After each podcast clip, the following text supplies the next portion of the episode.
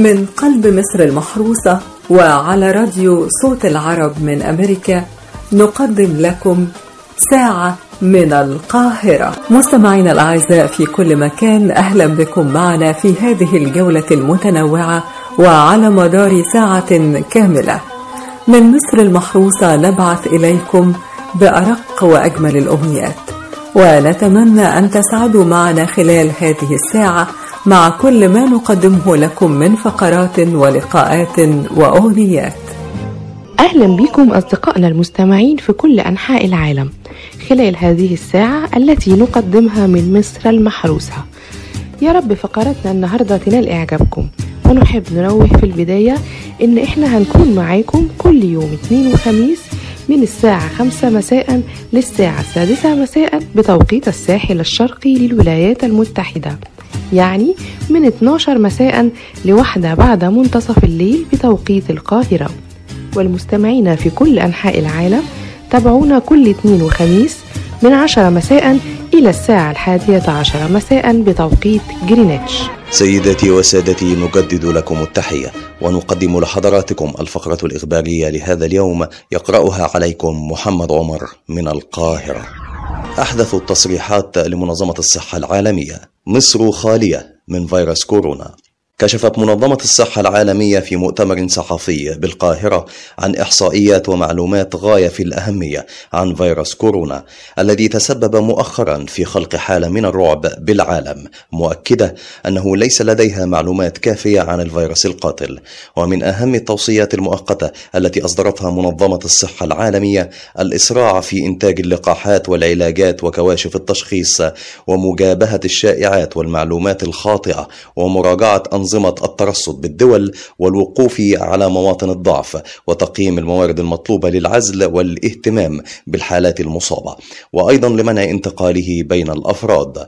ودعم الدول ذات الأنظمة الصحية الضعيفة ومشاركة الدول للبيانات والمعلومات مع منظمة الصحة العالمية والتعاون المشترك والتضامن والتنسيق بين الدول. كون الخطر يواجهنا جميعا. وهذه آخر الإحصائيات والمعلومات عن كورونا وفقا لمنظمة الصحة العالمية. عدد الحالات المصابة وصلت إلى 11953 أغلبها في الصين.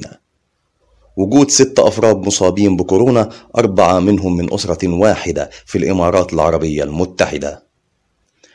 فيروس كورونا يتطور لدى 20% من المصابين ووفاة اثنين من كل 100 مصاب بالفيروس. 24 دولة انتشر بها فيروس كورونا والإمارات هي الوحيدة بمنطقة شرق المتوسط. لا توجد إصابات بين المصريين بفيروس كورونا. لا يمكن التنبؤ بانتشاره في العالم. وصلت الطائرة المصرية العائدة من مدينة ووهان والتي تحمل أكثر من 300 شخص من المصريين العائدين من الصين بعد انتشار فيروس كورونا القاتل والذي أدى إلى إصابة الآلاف ووفاة المئات حتى الآن خاصة بمدينة ووهان. وأقلعت الطائرة المصرية من مطار ووهان مساء أمس الأحد وعلى متنها أكثر من 300 طالب مصري من الباحثين بالجامعات الصينية وأسرهم. وسط إجراءات وقائية مشددة خوفا من العدوى بفيروس كورونا. ووفرت السلطات المصرية طاقما طبيا من الطب الوقائي. رافق المصريين على متن الطائرة فيما ردد المصريون هتافات تحيا مصر معربين عن فرحتهم بقرار الرئيس بإجلائهم من تلك المدينة. وتفقدت الدكتورة هالة زايد وزيرة الصحة والسكان الإجراءات الوقائية بمطار العالمين لاستقبال الطائرة والتي تقل المصريين العائدين من الصين. الطيران ثلاث رحلات أسبوعيا إلى طوكيو إبريل القادم. استقبل اليوم الطيار محمد منار وزير الطيران المدني ماساكاي نوكي سفير دولة اليابان لبحث سبل التعاون المشترك بين البلدين في مجال الطيران المدني. وناقش الجانبان عدد من الملفات والموضوعات ومن أهمها تنشيط السياحة اليابانية إلى مصر وتقديم كافة التسهيلات لتشجيع السائح الياباني لزيارة المقاصد السياحية المصرية وسبل زيادة عدد الرحلات الجوية بين البلدين حيث أنه من المقرر زيادة عدد الرحلات لثلاث رحلات أسبوعية. إلى مدينة طوكيو بدلا من رحلتين اعتبارا من شهر إبريل القادم. الدكتورة غادة والي تتسلم مهام عملها الجديد في الأمم المتحدة بفيينا. تسلمت الدكتورة غادة والي المدير العام الجديد لمكتب الأمم المتحدة لمكافحة الجريمة والمخدرات مهام منصبها اليوم الاثنين بمقر الأمم المتحدة في العاصمة النمساوية فيينا.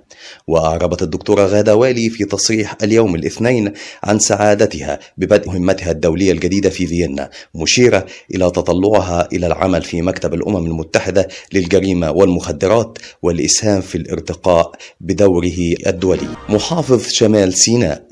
افتتاح أكبر محطة لتحلية المياه بالشرق الأوسط في 2021 تفقد اللواء الدكتور محمد شوشة محافظ شمال سيناء محطة تحلية المياه بمنطقة الكيلو 17 غرب العريش. وقال أن المحطة تعد أكبر محطة لتحلية مياه الشرب في الشرق الأوسط بتكلفة 97 مليون دولار وتعمل بطاقة 100 ألف متر مكعب في اليوم. كمرحلة أولى تزداد ل 300 ألف متر مكعب في اليوم كمرحلة ثانية بنسبة ملوحة أقل من 500 ملي جراما وبما يضاهي المياه المعدنية. هذا وقد بلغت نسبة التنفيذ في المحطة 12% ومدة التنفيذ عامين تنتهي في ديسمبر 2021 إقبال كثيف على معرض الكتاب في اليوم الثالث عشر. شهد معرض الكتاب الدولي للكتاب في دورته الواحد وخمسين إقبالا كثيفا في يومه الثالث عشر حيث توافدت أعداد كبيرة على بوابات الدخول من جميع الأعمار والجنسيات. يشار إلى أن دورة معرض القاهرة الدولي للكتاب تحمل عنوان مصر إفريقيا ثقافة التنوع وتتخذ من الراحل جمال حمدان شخصية لها والسنغال ضيف الشرف. ويبلغ عدد الأجنحة في المعرض 808 بزيادة 86 جناحا. وعدد الناشرين والجهات الرسمية المصرية والأجنبية 900 دار نشر وجهة بزيادة 153 دار نشر وجهة عن العام الماضي. وعدد الناشرين المصريين 398 دار نشر. وعدد الناشرين المصريين كتاب الأطفال 75 دار نشر. وعدد الناشرين المصريين كتاب إسلامي تراث 121 دار نشر. فايلر يطالب لاعبي الأهلي بغلق الملف الإفريقي. حرص ريني فايلر المدير الفني للفريق الأول لكرة القدم بالنادي الأهلي على الاجتماع باللاعبين والتحدث إليهم لمدة 20 دقيقة في ملعب التيتش بالجزيرة قبل انطلاق الميران. وطالب بغلق صفحة البطولة الإفريقية والتركيز في مواجهات الدوري المقبلة. واستأنف الفريق تدريباته بعد ظهر اليوم بالجزيرة بعد الراحة التي حصل عليها اللاعبون أمس عقب العودة من السودان. ويستعد الأهلي لمواجهة بيراميدز في الدوري أو المحدد لها السابعة والنصف مساء الخميس المقبل على ملعب الدفاع الجوي. وبهذا الخبر الرياضي تنتهي فقرتنا الإخبارية لهذا اليوم. كان معكم محمد عمر لراديو صوت العرب من أمريكا. من قلب مصر المحروسة وعلى راديو صوت العرب من أمريكا ساعة من القاهرة. والآن جاء موعدنا مع الفقرة الدينية. وفيها شرح لحديث نبوي من أحاديث النبي صلى الله عليه وسلم حول عيوب النفس وكيفية علاجها. ويشرح الحديث النبوي فضيلة الدكتور أحمد صالح من علماء وزارة الأوقاف المصرية. وإليكم الحديث النبوي الشريف. قال رسول الله صلى الله عليه وسلم إن أحدكم يرى القذى في عين أخيه ولا يرى الجذع في عين نفسه. صدق رسول الله صلى الله عليه وسلم. إن الله سبحانه وتعالى إذا أراد بعبد خيرا بصره بعيوب نفسه. فكيف نعرف نحن عيوب أنفسنا؟ بسم الله الرحمن الرحيم. والصلاة والسلام على أشرف المرسلين سيدنا محمد وعلى آله وصحبه ومن تبعهم بإحسان إلى يوم الدين ثم أما بعد. في الحقيقة صدق رسول الله صلى الله عليه وسلم. فقد وضع أيدينا على أمر غاية في الدقة والاحتياج فكلنا لابد أن يعرف عيوب نفسه. أن الله تبارك وتعالى إذا أراد بعبد خيرا بصره بعيوب نفسه. فمن كانت بصيرته نافذة لم تخفى عليه عيوبه فإذا عرف الإنسان عيبه أمكنه علاج نفسه. ولكن أكثر الناس جاهلون بعيوب أنفسهم. يرى أحدهم القذى كما أخبر النبي صلى الله عليه وسلم في عين أخيه أي يرى الشيء الدقيق من الأذى في عين أخيه ويكبره ويضخمه وكأنه يعني يرى فيه أمرا هذا الأمر فيه من العيب ما فيه. وينسى أن نفسه ذاته فيها من الجزع ما فيه أي فيها من الشيء الكبير الذي لا يراه هو بنفسه عن نفسه ويراه الآخرون كما أخبر النبي صلى الله عليه وسلم. فضيلة الشيخ وما هي الطرق التي نعرف بها عيوب أنفسنا؟ أولا أن يعرض الإنسان نفسه على كتاب الله وعلى سنة رسوله صلى الله عليه وسلم بمعنى أنه ينظر في كتاب ربه أين امتدح الله المؤمنين؟ وأين نهى الله تبارك وتعالى الناس عن ارتكاب كذا أو فعل كذا؟ وكذلك ينظر في سنة رسول الله ويقتدي بها ويأتسي بها. ماذا أمر رسول الله وماذا نهى رسول الله صلى الله عليه وسلم؟ عند ذلك سوف يعرف عيوب نفسه. لابد أن يعرض الإنسان على صديق له لأن الصديق وده تعتبر الطريق الثالث. لأن الصديق هو الذي سوف يتعهده بالنصيحة وكما قيل رحم الله امرأ أهدى إلي عيوبي إن نسي فكره وإن كسل نشطه. هو دائما حوله معين صدق يأمره بالخير ويأخذ بيده إليه. وقد ينظر وجود هذا الصديق هذه الأيام فماذا يفعل الإنسان؟ ينتقل إلى الطريق الرابع. ألا وهو أن يعرف عيوب نفسه من ألسنة أعدائه ولعل انتفاع الإنسان بعدو مشاح يذكره بعيوب نفسه خير من صديق مداهن لا يعدم الإنسان في هذه الأيام العدو المشاحن موجود الأعداء كثر من حولنا فميزة جلية أن تجد هذا العدو الذي يذكرك بعيوب نفسك ويجعلك تصحح من نفسك. فإن قارنا بين عدو مشاحن وصديق مداهن أقول لك اختر العدو المشاحن لأنه سوف يسوقك ويعرفك بعيوب نفسك. وأتذكر أن الإمام يعني زين العابدين ابن الإمام علي رضي الله عنه وأرضاه أحد المشاحنين انبرى له وهو في طريقه. وسبه وقال فيه كلاما موجعا مؤلما وكان الإمام معه أشياعه وأنصاره وعلى الرغم من ذلك تبسم في وجهه وقال غفر الله لك ما ذكرته ولم يكن فينا وشكر الله لك ما ذكرته فينا وهو فينا فلك الثناء ولك الشكر على أن دللتنا على الطريق الصحيح هل لك حاجة نقضيها لك؟ وعند ذلك انبهر هذا العدو المشاحن أمام أدب آل بيت رسول الله صلى الله عليه وسلم فما كان منه إلا أن قال إنها لحق أخلاق أنبياء. فلربما كان هذا المشاحن هو النبراس أو المصباح الذي ينير لك الطريق فيعرفك بسلبياتك وبعيوبك فهلم تمسك بها ولا تنصرف للثأر لنفسك أو لأن تغضب لأنه أظهر عيبا من عيوبك. عند ذلك سوف تدرك أين أنت وماذا ينقصك ومن ثم تعالج نفسك بعد أن عرفت عيوبها وزلاتها. والله تبارك وتعالى نسأل لنا ولجميع المسلمين أن يبصرنا بعيوب أنفسنا وأن يأخذنا إلى جادة الطريق. والسلام عليكم ورحمة الله. كشفت منظمة الصحة العالمية في مؤتمر صحفي بالقاهرة عن إحصائيات ومعلومات غاية في الأهمية عن فيروس كورونا الذي تسبب مؤخرا في خلق حالة من الرعب في العالم. مؤكدة أنه ليس لديها معلومات كافية عن الفيروس القاتل. وقالت المنظمة إن عدد الحالات المصابة وصلت إلى 11953 أغلبها في الصين. وإن 24 دولة انتشر بها فيروس كورونا والإمارات هي الوحيدة في منطقة الشرق المتوسط.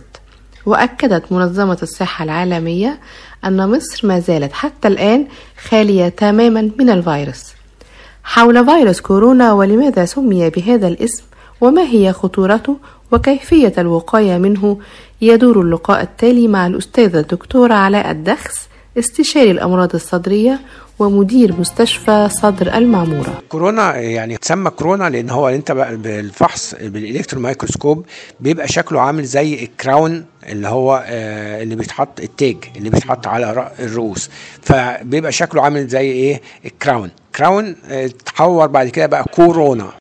آه كورونا ده فيروس. كويس. بيسيب الجهاز التنفسي. وعشان نبقى بس عارفين إن هو آه، عدة عائلات. يعني هو بينقسم لأربع عائلات رئيسية اللي هي ألفا وبيتا وجاما ودلتا. كل عائلة منهم بتضم عدة فيروسات بأرقام مختلفة. من ضمنها طبعا السارس اللي حصل في في الصين برضو كان سنة 2002 في الخليج والسعودية حصل آه، الميرس 2013 وحاليا اللي هو الفيروس الجديد الع- النوع الجديد اللي ظهر من فيروس كورونا اسمه إن كو في. إن كو في يعني نوفل كورونا فيروس. الفيروس ظهر في مقاطعة من مقاطعات الصين. واصاب معظم ال- الناس اللي هي أصيبت أصيبت في هذه المقاطعة. المقاطعة فيها الفيروس والحالات الوفيات حصلت في المقاطعة دي فقط لكن لم تحدث أي حالات وفيات خارج الصين. فمعظم ال 19 دولة اللي آه، دخلها الفيروس الحالات فيها الحمد لله آه، لم يحدث لها مضاعفات أو آه، حالات وفيات. ده دلالة على أن الفيروس بانتقاله من شخص للتاني بتقل حدته وبتقل خطورته وبيقل كمية الفيروس المنقولة من إنسان لإنسان. وده طبعا حاجة كويسة لأن هو ده يعني إيه الحمد لله يعني ما هواش فيروس خطير. لدرجة إن إحنا يعني إيه ال- الفيروس العادي بتاع الإنفلونزا العادية اللي بيجي لنا بأدوار برد بنعتبره أخطر منه وبنعتبر إن المشاكل الصحية اللي بتحدث نتيجة مضاعفات الإنفلونزا العادية أكتر من آه، فيروس آه، كورونا الجديد. الرعب لأنه حاجة جديدة لأن هو طبعا آه، أول نوع أو أو نوع جديد يكتشفوه. إلى جانب ان هو الفيروس دوت كان مثلا يعني لو حضرتك تت- تتذكر الإنفلونزا اللي هي H 1 N 1 اللي هي الإنفلونزا الموسمية حاليا اللي إحنا بنقول عليها الخنازير سابقا اللي ظهرت في المكسيك. كان ليها علاج اللي هو ال oseltamivir أو آه، آه، اللي هو ال Tamiflu آه، اللي إحنا بنديه للعيان فالعيان بيخف منه على طول. إلى جانب إن هو ال- المعامل آه، ما كانتش جاهزة للفيروس الجديد فالكشف المعملي ضعيف طرق علاجه غير متوفرة لأن إحنا دلوقتي بن- بنعالجه اللي هو إحنا بنقول عليه symptomatic treatment أو ال- العلاج العرضي. يعني واحد سخن بنديله خافض الحرارة واحد صدره تعبه بنديله موسعات شعب هوائية بنديله سوائل آه، الحاجات دي كلها طبعا لما يبقى مرض ما انتش عارف علاجه وما انتش عارف تكشف عليه بالطرق المعملية أو أو بتكشف عليه بالطرق المعملية في بعض المعامل المتقدمة غير اللي هي آه، المعامل اللي بتبقى إيه آه، في بعض المستشفيات غير متوفرة. طبعا ده بيسبب نوع من الهلع أو الخطورة أو عدم المعرفة بيخلي الواحد يكون في حالة هلع. غير إن أنت لما تبقى فاهم وتبقى عارف إيه هو ال- الفيروس طرق الوقاية بننصح بيها كل الناس إن هي يعني غسيل الأيدي المستمر آه، وضع كمامات للناس المصابة بالبرد أو أو المعرضة أو الخطرة بالنسبة للأماكن اللي عاملين في ال health worker اللي هم بيشتغلوا في المستشفيات بيشتغلوا في العنايات اللي بيشتغلوا في الاستقبال دول لازم يكونوا على طول لابسين الماسكات ولابسين كمامات الحاجات الح- أدوات الحماية ليهم. إلى جانب عدم البصق في في الطرقات أو لو واحد عطس لازم يعطس في منديل يعطس حتى في كمه مش عيب إن هو إيه ما ينشرش المرض. آه، أي واحد بي- بي- بي- بيبقى معرض لل- للفيروس لازم إن هو يلتزم طبعا آه، بالاحتياطات القياسية لمكافحة العدوى. إلى جانب طبعا شرب المية باستمرار بيمنع الفيروس إن هو يخش في الحلق. يعني بمعنى إن هو لازم يشرب باستمرار آه مية بحيث إن هو حلقه يبقى رطب. الحلق الجاف ممكن يدي فرصة للفيروس إن هو يدخل الجسم أكتر. إلى جانب طبعا يعني أي واحد بتظهر عليه أي أعراض لازم يعرض نفسه على الأطباء بحيث إن هو يتم تشخيصه. إحنا طبعا بالنسبة للناس اللي هي suspected بن بنتابعهم 14 يوم. كويس؟ طبعا في ال- ال- المواسم بتاعة الفيروس اللي إحنا فيها دلوقتي بتنتهي على شهر فبراير نص مارس بتبتدي decline أو إيه تختفي. ولا حالة ظهرت في جمهورية مصر العربية حتى الآن. آه، يعني معلش يعني هو كلها إشاعات وكلها تخمينات وكلها حاجات يعني لا الحمد لله ال- السلطات المصرية ووزارة الصحة المصرية عينيها على المطارات والموانئ وبتأمنها في حاجة اسمها الحجر الصحي. الحجر الصحي ده أي حالة مشتبه فيها إن هي مصابة بالمرض أو ارتفاع درجة الحرارة بتتعزل في الحجر الصحي أو في أماكن معينة آه، لمدة 14 يوم وبيت. حتى لو المسافرين اللي جايين من الأماكن ديت بيتم الطب الوقائي عندنا قوي جدا في مصر وبيتم متابعة الحالات دي حتى في بيتها. يعني في آه، كل واحد مثلا ساكن في منطقة بيروح له بيتم زيارته وبيتم متابعته تليفونيا وايه وميدانيا. يواصل معرض القاهرة الدولي للكتاب في دورته الواحد وخمسين. فعالياته بالعاصمة المصرية القاهرة بنجاح لليوم التلتاشر على التوالي. وشهد المعرض اليوم توافد أعداد كبيرة على بوابات الدخول من جميع الأعمار والجنسيات.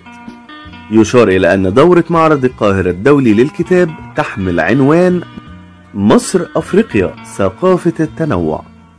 وتتخذ من الراحل جمال حمدان شخصية لها والسنغال ضيف الشرف. ويبلغ عدد الأجنحة في المعرض 808 بزيادة 86 جناح وعدد الناشرين والجهات الرسمية المصرية والأجنبية 900 دار نشر وجهة بزيادة 153 دار نشر وجهة عن العام الماضي. وعدد الناشرين المصريين 398 دار نشر. وعدد الناشرين المصريين كتاب الأطفال 75 دار نشر. وعدد الناشرين المصريين كتاب إسلامي تراث 121 دار نشر وعدد مكتبات سور الأزبكية 41 وعدد الناشرين كتاب صوتي وإلكتروني 7 وعدد الناشرين العرب 255 ناشر وبكده يكون العدد الإجمالي 900 دار نشر وعدد المشاركين في الفعاليات 3502 مشارك. والدول المشاركة 38 دولة بزيادة 3 دول عن دورة اليوبيل الذهبي في العام الماضي. حول معرض الكتاب يقدم لنا المهندس مجدي عبد الله صاحب دار نشر ماهي هذه الرسالة من داخل المعرض. أستاذ مجدي فكري أهلا وسهلا بحضرتك آه، وكل مستمعيك. يسعدني أن أكون آه، أديك فكرة آه، مبسطة عن معرض القاهره الدولي للكتاب في دورته الواحد وخمسين. للعام الثاني على التوالي في قاعة الم- المؤتمرات آه، الجديدة على مساحة كبيرة جدا أربع قاعات. آه، كل قاعة مقسمة إلى A و B و C. آه، عدد المشاركين أكثر من آه، ألف وبيت ناشر من كافة الدول العربية والأجنبية والمصرية. ضيف شرف هذا العام هي دولة السنغال. وهناك أكثر من آه، أكثر من ألفين فعالية آه، للأطفال والكبار مت- متواجدة. القوات المسلحة المصرية آه، بتشارك بفرقة الموسيقى العسكرية. كل يوم تؤدي للجمهور بعض العروض. وزارة الثقافة هذا العام لأول مرة في عروض فنية للشباب الموسيقيين والمغنيين في عرض مكشوف للجمهور. في عرض للمسرح الطفل والعرايس. أثناء معرض القاهرة للدولي للكتاب انعقدت الجمعية العمومية الغير عادية لاتحاد الناشرين العرب لإقرار آه، قانون الاتحاد الجديد والتعديلات الم- المنبثقة منه. آه، في هذه الدورة آه، أكثر من دولة زي ما قلت لحضرتك متواجدة في جناح متخصص للجامعة الأمريكية جناح متخصص جناح فرنسي في جناح الألماني في جناح الإيطالي في جناح ال- الصيني. بشكل مبهج وعرض الثقافة الصينية والكتب المترجمة من الصينية إلى العربية ومن العربية إلى الصينية في جناح كبير جدا. هذا العام آه، بنشوف إقبال آه، جميل من الشباب المصريين مما يعطي انطباعا جميلا إن مصر بتقرأ وإن شبابنا بخير وإن مستقبل الكتاب في الوطن العربي وفي مصر خاصة مبشر وإن دور النشر لابد أن تهتم بما يختاره الشباب من اصدارات واهتمامات. أحب أضيف كمان لحضرتك إن تم تكريم بعض دور النشر المتميزة والفائزة بمسابقة أفضل دار نشر مصرية هي العامة للكتاب مع اتحاد ناشرين مصريين دي مسابقة كل عام بيتم اختيار أفضل دار نشر مصرية وأفضل كتاب علمي وأفضل كتاب ثقافي. وتم تكريم الفائزين خلال المعرض لكل الفائزين. كمان آه، عايز أقول لحضرتك إن في آه، خلال تجولي بالمعرض شفت بعض ال- ال- الحاجات الجميلة اللي بتقدم للطفل آه، العربي الكتاب ذو الأبعاد الثلاثية. كتاب بيتحط عليه شاشة كده تشوفه ثلاثي ومتحرك. كمان من الجديد في دور في القسم الأطفال بعض دور ال- المصرية المنتجة للوسائل التعليمية المصرية بدلا من الاستيراد من الدول الأجنبية وخاصة من الصين هناك أكثر من آه، 25 دار مصرية بتنتج بنفسها الوسائل التعليمية الخشبية والبلاستيكية بجودة عالية جدا. آه، إصدارات كتيرة جدا جديدة آه، حفلات التوقيع خلال المعرض في كل جناح من أجنحة الدور المصرية والعربية المؤلفين وال والمبدعين كل واحد فيهم آه، بيقوم بتوقيع كتابه وإصداره الجديد سواء كانت رواية سواء كان مجموعة قصصية سواء كان ديوان شعر. آه، تقريبا يوميا في أكتر من آه، 25 30 توقيع في آه، أجنحة كلها. السنة دي برضو آه، عدد الزوار الأجانب من غير المصريين مرتفع. وصل عدد الزوار في حتى آه، هذا اليوم إلى أكثر من 3.5 مليون زائر.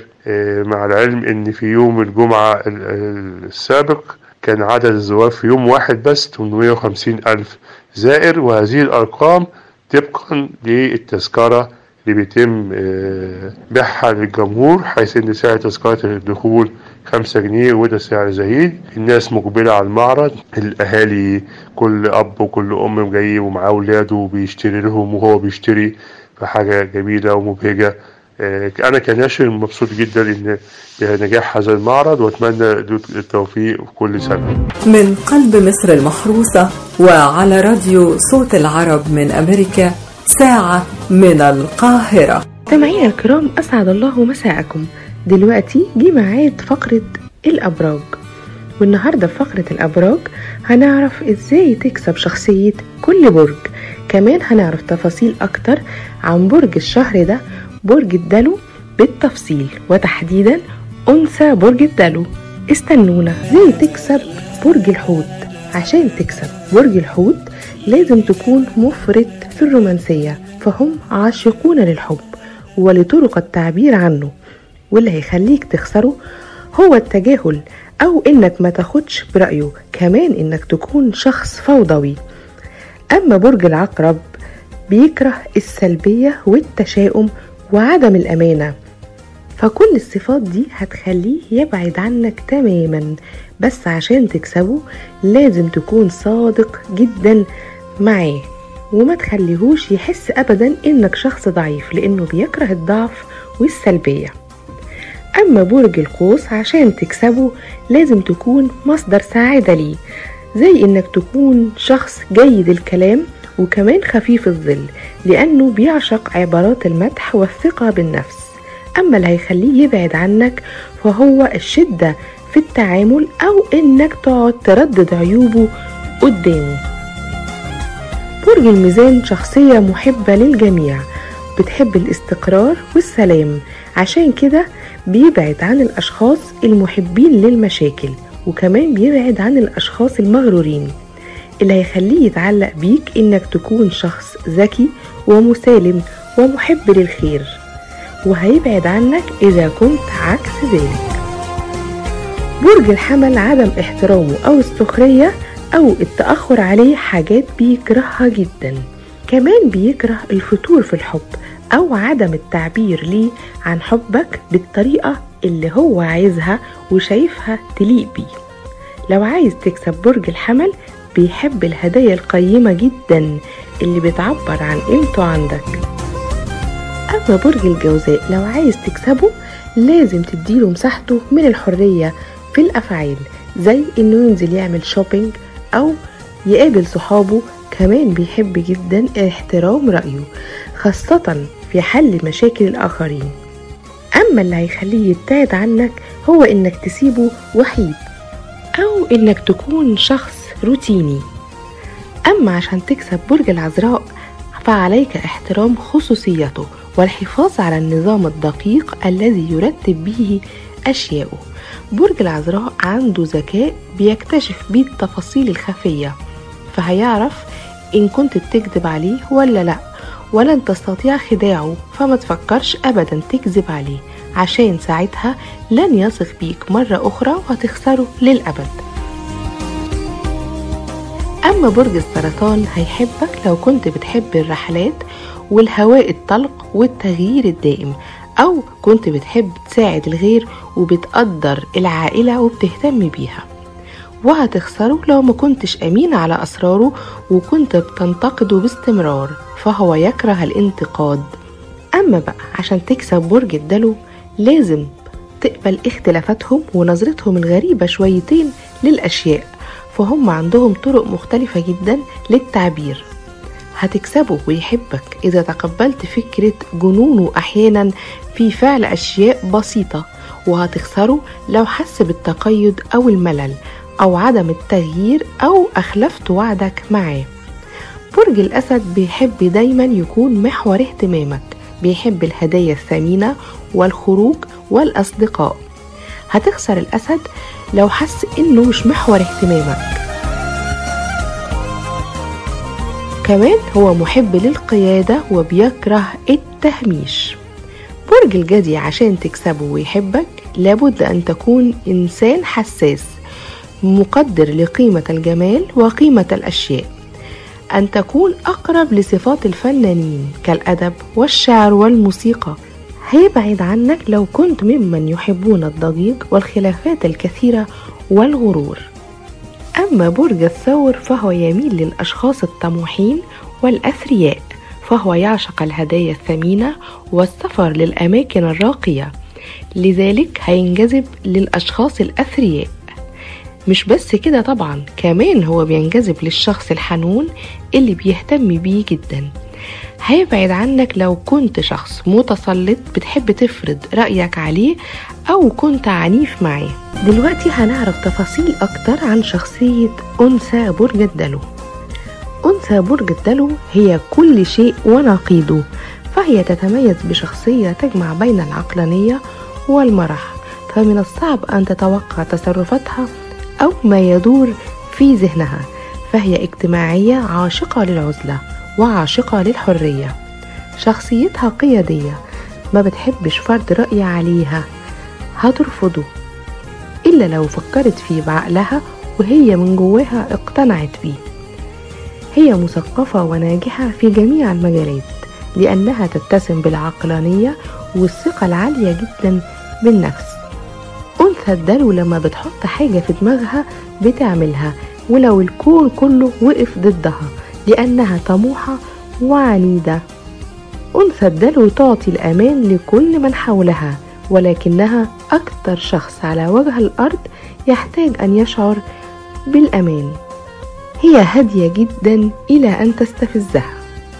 شخصية تميل إلى الغموض بتكره التباهي وواضحة جدا كمان لأقصى درجة متفائلة بس بتخاف من بكرة.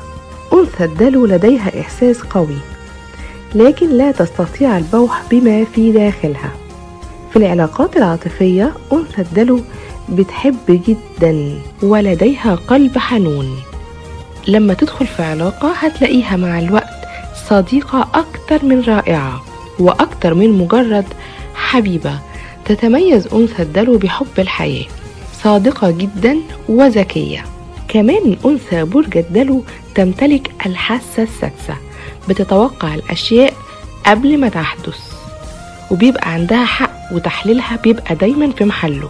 بتحب الحيوانات الأليفة. هي تلك المرأة القوية التي تسكنها أضعف طفلة. هي المتمردة الملتزمة. هي من تقدم السعادة وتغرق في الحزن. هي أم لمن يحتاج أم وهي طفلة يتيمة حنونة. هي في قمة التواضع. لكن تمتلك ثقة عمياء بنفسها. هي بتكتشف الكذب بسهولة لكن بتفضل الصمت. هي مثل كفتان الميزان تتأرجح ولكن عمودها ثابت. وبكده تكون خلصت فقرة الأبراج النهاردة. استنونا الحلقة الجاية. لسه في كلام كتير عن الأبراج. مخلصش كانت معكم من القاهرة صوفيا حاتم لراديو صوت العرب من أمريكا. دمتم بخير.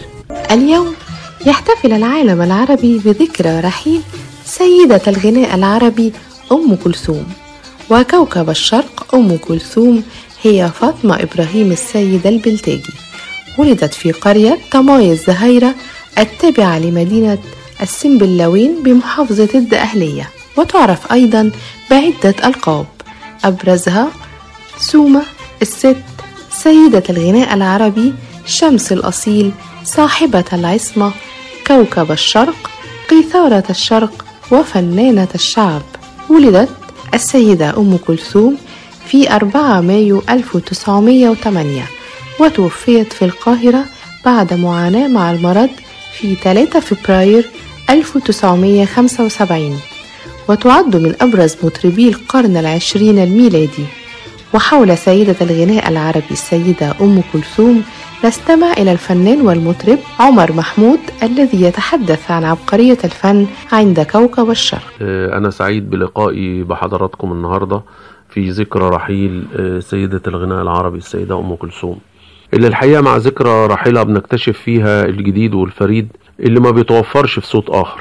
ومع كل مرة بنسمع فيها السيدة أم كلثوم بيتردد بداخلنا إيه عبقرية الصوت ده؟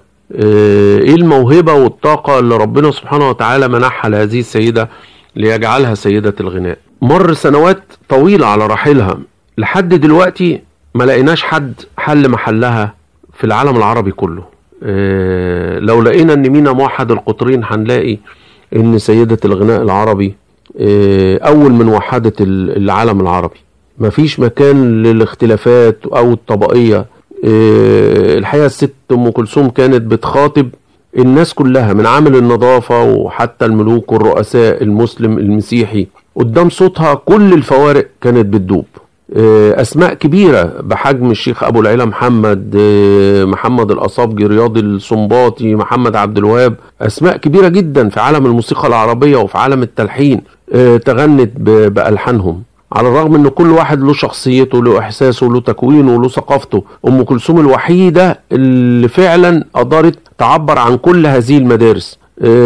من غير ما تشعر بفارق في الأداء. يعني غنت للسنباطي زي ما غنت لبليغ وغنت القصائد زي ما غنت الأغنية. الحقيقة صوت بهذه الإمكانيات كان الملحن بيقدر يخرج حالاته الإبداعية بمنتهى السهولة. لأن بيتعامل مع صوت بيملك مساحات يعني شاسعة و... و... وعندها مرونة في الأداء بتخلي الملحن يتحرك بحريته. خلت الشعراء يتحرك برضه بيتحركوا بحريتهم في بحور الشعر ما ب... ما بي... ما بيهمهوش. لأنها كانت كمان بتتمتع بمخارج ألفاظ زي ما بيقولوا حديدية يعني ست كانت مطربة. في الحقيقة كان صوت عبقري يعني هم بيتعاملوا مع صوت عبقري. نفس مجموعة العمل من الملحنين والشعراء دول اشتغلوا مع أصوات أصوات عظيمة زي وردة وزي مثلا نجاة وزي مثلا ليلى مراد. لكن مفيش حد يعني قدر يوصل لمكانة السيدة العظيمة السيدة أم كلثوم. في الحقيقة نجومية أم كلثوم ما كانتش نجومية شكلية أبدا كانت نجوميتها في صوتها العظيم في صوتها العبقري صوتها العملاق. يعني السيدة العظيمة أم كلثوم الحقيقة ظاهرة حقيقة عبقرية والزمان لا يجود ابدا بمثلها تاني. جمعت بين قوة الصوت وتعدد طبقاته ومقدرة متفردة على الأداء المتنوع. رحم الله السيدة العظيمة السيدة أم كلثوم أبدا ما نقدرش ننسى أعمالها العظيمة.